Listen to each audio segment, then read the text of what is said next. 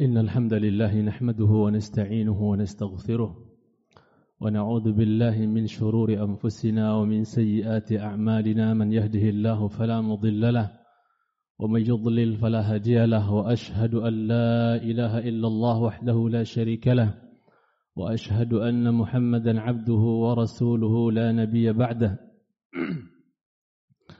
قال الله عز وجل يا أيها الذين آمنوا اتقوا الله حق تقاته ولا تموتن إلا وأنتم مسلمون.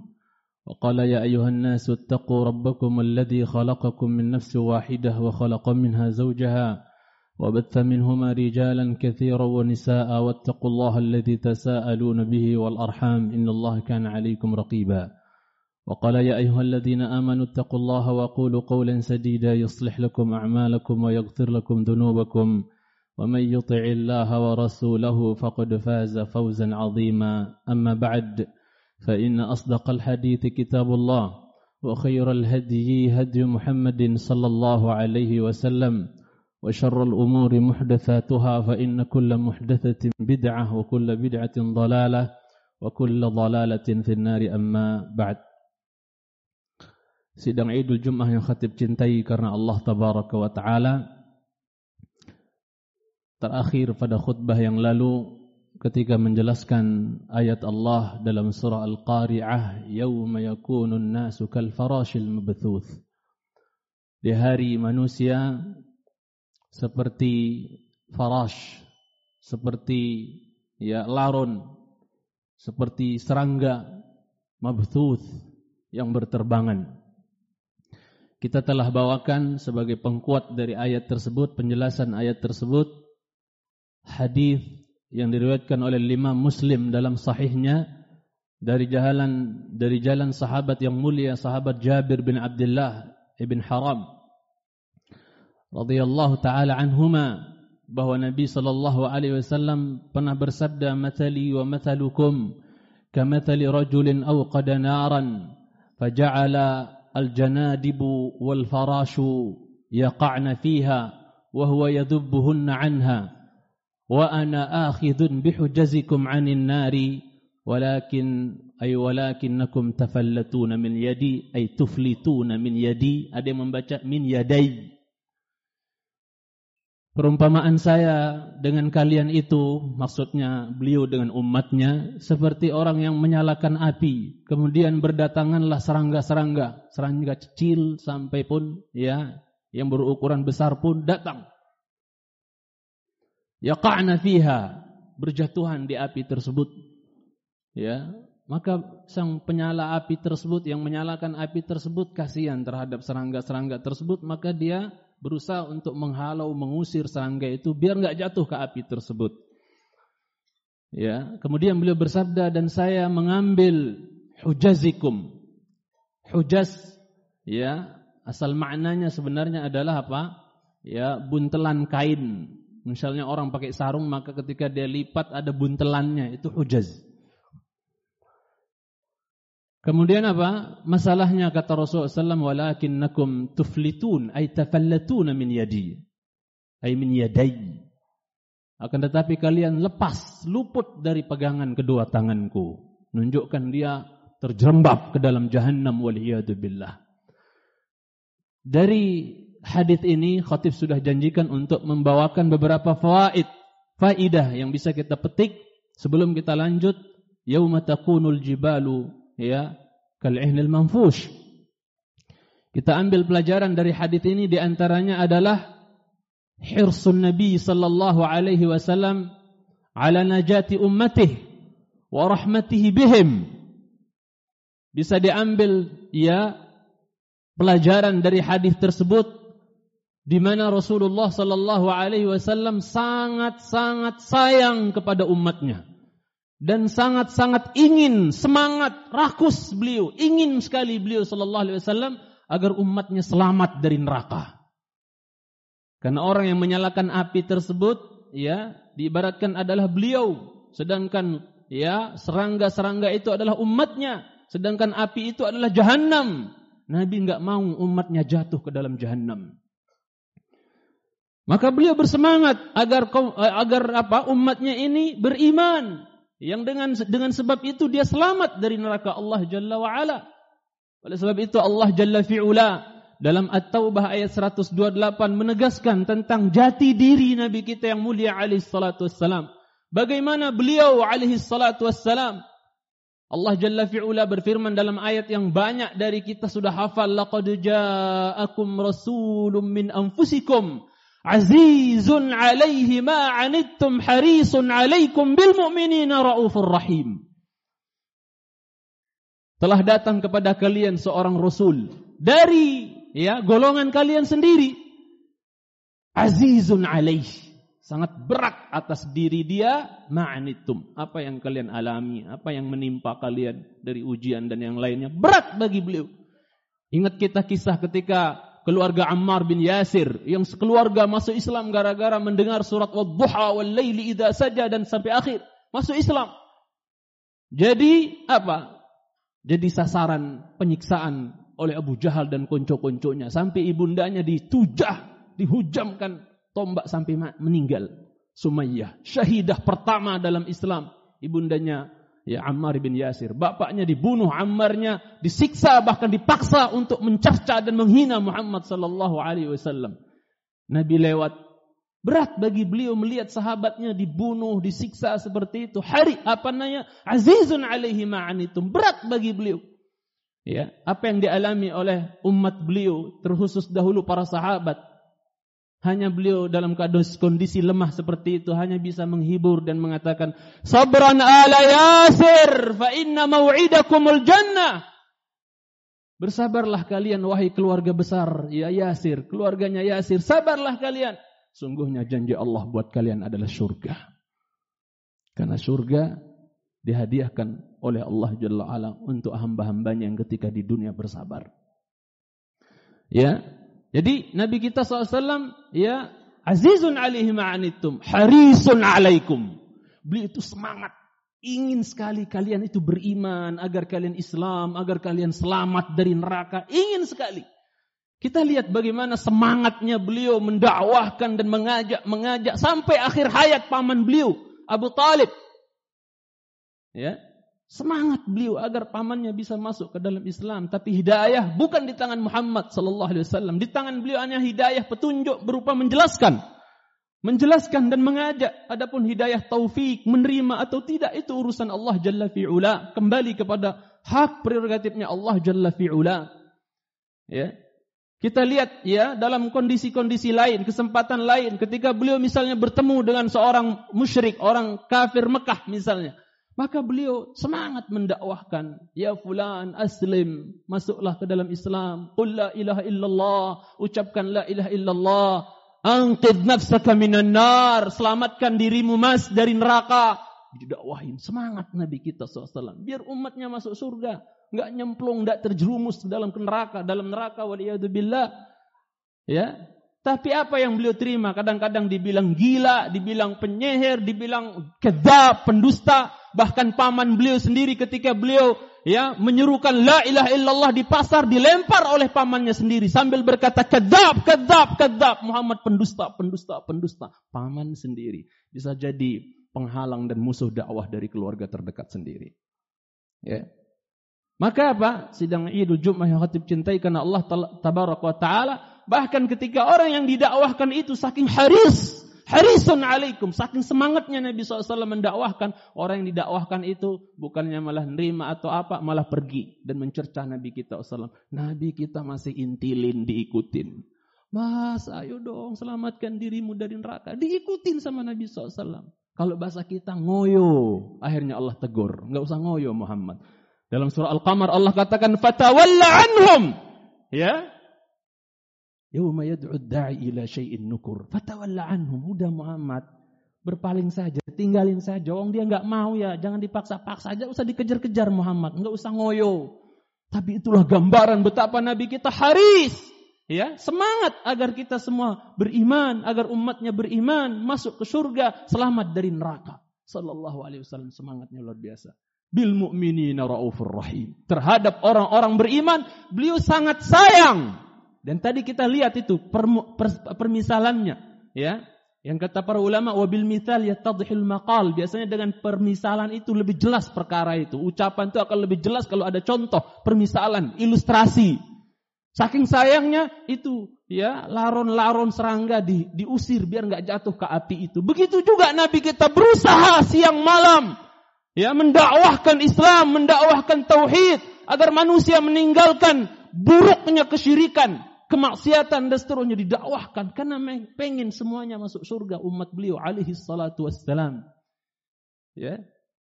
Tapi Allah berfirman innaka la tahdi man ahbabta Allah yahdi man yasha. Allah kasih petunjuk buat yang dikehendaki saja. Enggak semua dikasih petunjuk oleh Allah Jalla fi'ula.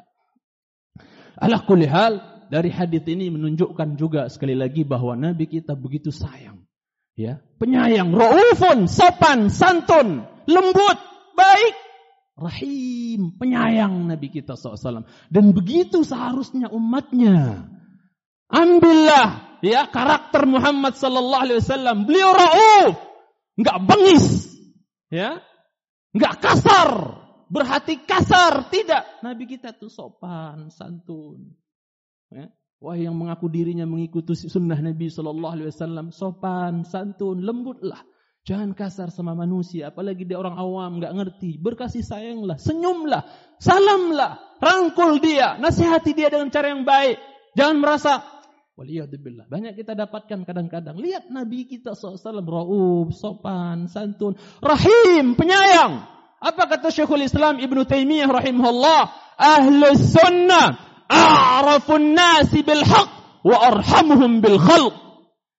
Ahlu sunnah sejati itu ciri-cirinya dia paling paham tentang kebenaran, paling berilmu tentang kebenaran, tapi dia juga paling penyayang sama manusia, nggak kasar sama manusia, senyum sama manusia, sayang sama manusia. Kemudian di antara faidah yang bisa kita petik dari hadis tersebut adalah ya bahwasanya di sini orang-orang bodoh dan orang-orang ahli maksiat ya yang tidak mau dengar nasihat, yang tidak mau mengikuti jalan yang telah digariskan oleh Rasulullah SAW, ya orang-orang yang terjerumus dalam kubangan maksiat itu diibaratkan seperti apa? Seperti hasyarat. Seperti apa tadi? Seperti ya serangga yang dia nggak ngerti ketika dia datangi api, nggak ngerti jalan muter sana sini, terbang sana sini, ujung-ujungnya pluk jatuh ke api. Begitulah ibaratnya orang-orang yang doyan dengan apa maksiat, terjerumus dalam kobangan maksiat dan senang di atas nggak ngerti mau ke mana nih hidup, tujuannya ke mana nggak ngerti, mau pakai jalan yang mana biar selamat nggak ngerti, pas kayak laron, kayak serangga, nggak jelas. Jadi jelek sekali kebodohan itu. Maka kita mari ngaji, mari kita belajar. Ya, karena aslu kulli syarrin al-jahlu bidin. Pokok atau biang kerok dari segala macam bentuk keburukan, ya sebabnya kebodohan. Kita harus belajar. Supaya kita tidak seperti apa? Laron, ya, seperti serangga yang nggak ngerti, muter sana, muter situ, ujung-ujungnya jatuh ke api. Orang-orang jahil, orang-orang ahli maksiat, ya, asyik dengan kejahilan dan kebodohannya, kemudian asyik dengan maksiat dan dosanya, ujung-ujungnya terjerumus dalam neraka waliyadzubillah. Maka harus belajar. Ali bin Abi Thalib pernah berkata, "Kafa bil ilmi syarafan ayyadda'ihi man la yuhsinuh wa yuhibbu an yunsaba ilaih." Cukuplah menjadi bukti ilmu itu mulia, ya.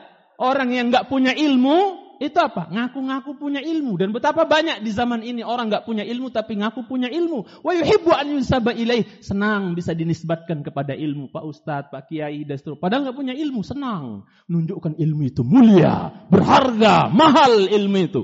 Wa kafa bil jahli dhamman. Ini bukan kata khatib, kata Ali bin Abi Talib, mantu Rasulullah SAW, Abu Husain, Abu Hasan.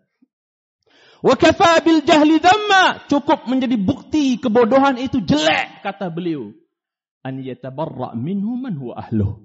Di mana orang yang benar-benar bodoh enggak mau dibilang bodoh.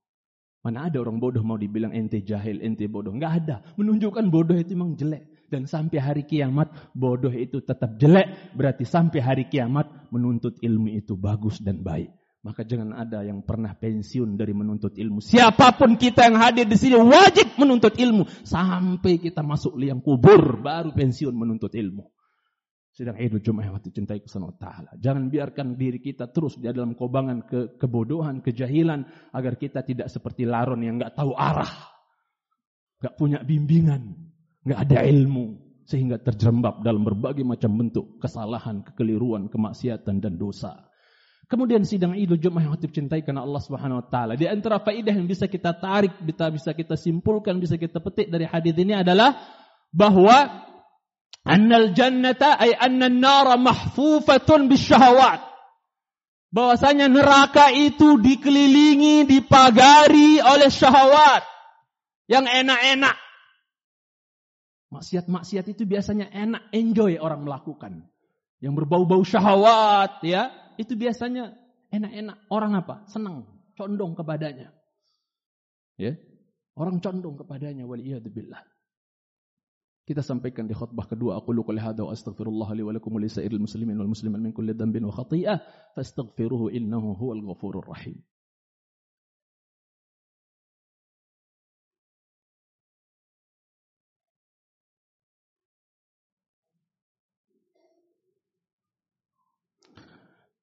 Alhamdulillah wassalatu wassalamu ala Rasulillah wa ala alihi wa sahbihi wa man walah amma ba'd.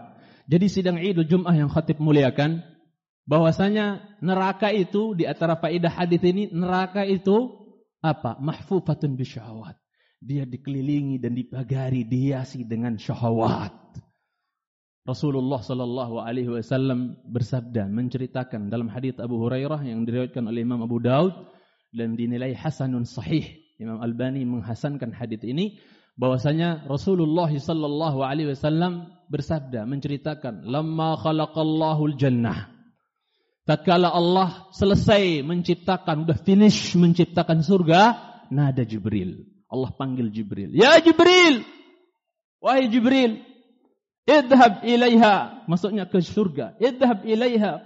Idhab famdur ilaiha. Jibril, aku telah ciptain surga nih. Kau pergi sana, kau cek, kau lihat surga itu. Maka Jibril pergi melaksanakan titah dari Allah. Dia lihat surga. Dia lihat surga, keindahan surga, perkakas surga, subhanallah. Sehingga dia kembali kepada Allah. Ya Rabbi wa izzatik. Wahai Rabbku, demi kemahamuliaanmu, keperkasaanmu. Ya, la yasma'u biha ahadun. Ya, illa dakhalaha.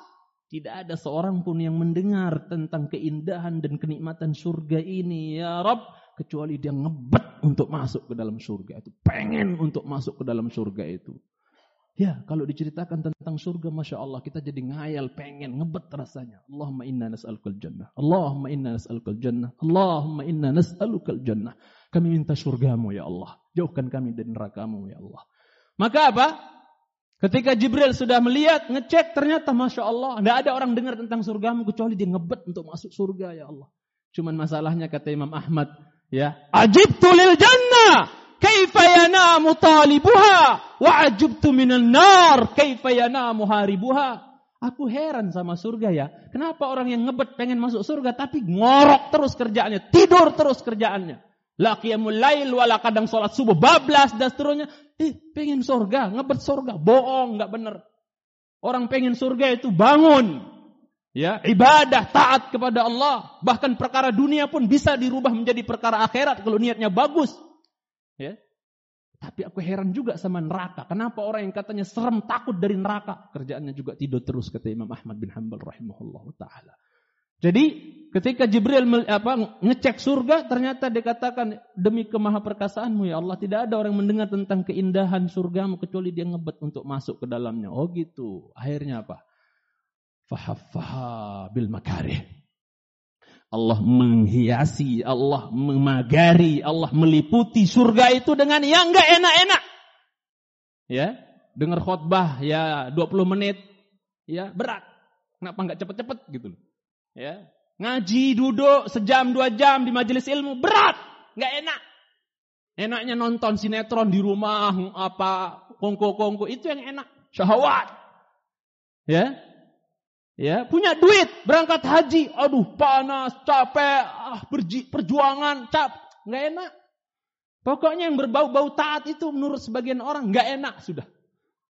Dia nggak tahu, dia nggak sadar ternyata surga pagarnya itu adalah yang gak enak-enak tersebut. Ketika Allah pagari surga dengan yang gak enak-enak, yang kurang disukai oleh manusia, bersadaqah dan yang lainnya, berat. Akhirnya apa? Ya, setelah Allah ya pagari surga dengan yang gak enak-enak, Allah panggil lagi Jibril. Idha fandur ilaiha. Sekarang kau lihat, kau pergi lagi ke surga sana Jibril. Lihat kedua kalinya, lihat sana surga. Fadhaba fanadhar ilaiha. Dia pergi Jibril untuk kedua kalinya dia lihat surga. Aduh, ternyata sudah dihiasi, sudah dikelilingi oleh yang gak enak-enak. Akhirnya apa kata Jibril? Irabbi wa izzatik. Wahai Rabbku demi kemahamuliaanmu ya Allah. Ya, Laqad khashitu alla yadkhulaha ahad. Aku takut ya Allah, surgamu itu nggak ada yang masuk seorang pun. Karena sudah dihiasi dengan yang nggak enak-enak. Ngaji, sholat, ya, subuh, berjamaah apa dan ibadahnya berat nggak enak bagi sebagian orang. Wa inna lakabiratun illa 'alal khashi'in. Berat. Ya, kecuali yang Allah Subhanahu wa taala kasih petunjuk bagi mereka, mudah aja dikerjakan ketaatan. Ya. Akhirnya apa? Ya, thumma khalaqannahu nar. Khalaqallahu nar. Kedua, Allah ciptakan neraka. Jadi surga dulu diciptain baru neraka. Allah ciptakan neraka. Kemudian apa? Dipanggil Jibril, "Idhhab fandur ilaiha." Jibril pergi lihat neraka sana. Cek. Aku ciptain neraka, aku cek sana. Padahal bapak nadhara ilaiha. Dia pergi dan lihat neraka. Apa kata Jibril? "Ya Rabbi wa izzatik." Wahai Rabbku demi kemaha perkasaanmu. La yasma'u biha ahadun. Fayadkhulaha. Tidak ada seorang pun yang mendengar tentang mengerikannya azab jahanam itu ya Allah. Neraka yang kau ciptakan itu ya Allah. Tidak ada yang mendengar tentang ya tentang pedihnya, tentang azabnya daripada jahanam itu ya Allah. Kemudian dia mau masuk. Nggak ada ya Allah. Nggak ada yang mau masuk ya Allah. Takut, takut lari. Serem. Oh gitu. Tahaffaha bisyahawat. Bak laron-laron tadi Mbak serangga-serangga tadi melihat cahaya kejauhan, uh, tertipu, indah, bercahaya. Dia datengin pula, nggak tahu dia itu api. Muter-muter-muter, plok, celaka. Ya. Syahwat yang dikelilingi dengannya neraka yang enak-enak, ya zina, ya khamar, ya riba, ya nipu orang, ya korupsi, ya yang haram-haram. Syahwat. Enak condong ke hati kepadanya kadang-kadang. Dia nggak ngerti kalau ternyata jahanam diliputi dan dipagari, dipagari oleh syahwat tersebut. Tertipu dia dengan syahwat. Maladzatu dunia. Tertipu dia. Bak, laron dan serangga tadi yang tertipu dengan cahaya yang ternyata adalah api yang membinasakan dia. Ya. Itu. Maka akhirnya ketika Allah Subhanahu wa taala telah menghiasi atau ya memagari neraka itu dengan syahwat, Allah katakan kepada Jibril, kau pergi lagi jenis Jibril, kau cek lagi neraka itu kedua kalinya. Maka Jibril pergi dan mengecek. Setelah Jibril lihat ternyata jahanam telah dipagari dan di, dikelilingi oleh syahwat yang berbau enak-enak. Akhirnya apa kata Jibril kembali? Ya Rabbi wa izzatik. Wahai Rabbku demi kemahamuliaanmu. Hah? Apa kata Jibril? Ya, laqad khasyitu alla yabqa ahadun illa dakhalaha. Aku takut ya Allah, tidak tersisa seorang pun dari hambamu kecuali dia akan masuk ke dalam neraka. Aku takut, kata Jibril. Kenapa? Karena neraka sudah dihiasi dengan yang enak-enak. Ini pelajaran yang selanjutnya. Ter yang terakhir dulu saya sampai khatib sampaikan bahwasanya kadang-kadang Nabi Shallallahu Alaihi Wasallam untuk memudahkan para sahabat untuk memahami sabda beliau, sekali lagi beliau biasakan pakai darbul amthal untuk memberikan dengan memberikan perumpamaan supaya lebih jelas. Sebagai contoh dalam hadis Bukhari dari jalan Abu Hurairah dan ini kita tutup dengannya khutbah kita Rasulullah SAW sebagai contoh saja bahwa Nabi suka memberikan perumpamaan, iya ilustrasi biar lebih dipahami apa yang beliau maksud. Beliau bersabda, "Ara'aitum Lau anna nahran bibabi ahadikum yaktasilu minhu kulla yawmin khamsa مرات ayabqa fi daran fi apa ayabqa min daranihi syai qalu la yabqa min daranihi syai ya Rasulullah la yabqa min daranihi syai fakadzalika as-salawatul khams yamhu Allahu bihinnal khataaya Bagaimana pendapat kalian kalau di depan pintu rumah kalian ada sungai mengalir? Kemudian kalian mandi dari sungai itu setiap hari lima kali. Kira-kira ada sisa dekil nggak, kotoran nggak di badannya? Lima kali mandi sehari di sungai yang bening depan rumahnya. Kira-kira gimana tuh? Ada tersisa dekil kotoran? Kata para sahabat, tidak ya Rasulullah. Tidak tersisa sedikit pun kotoran di badannya. Ah, kata Rasulullah, fakadalik. Fakadalik. Begitulah pula kondisi as-salawatil khams. Salat yang lima waktu. Kau muslimin jaga salat lima waktu. Jangan luput.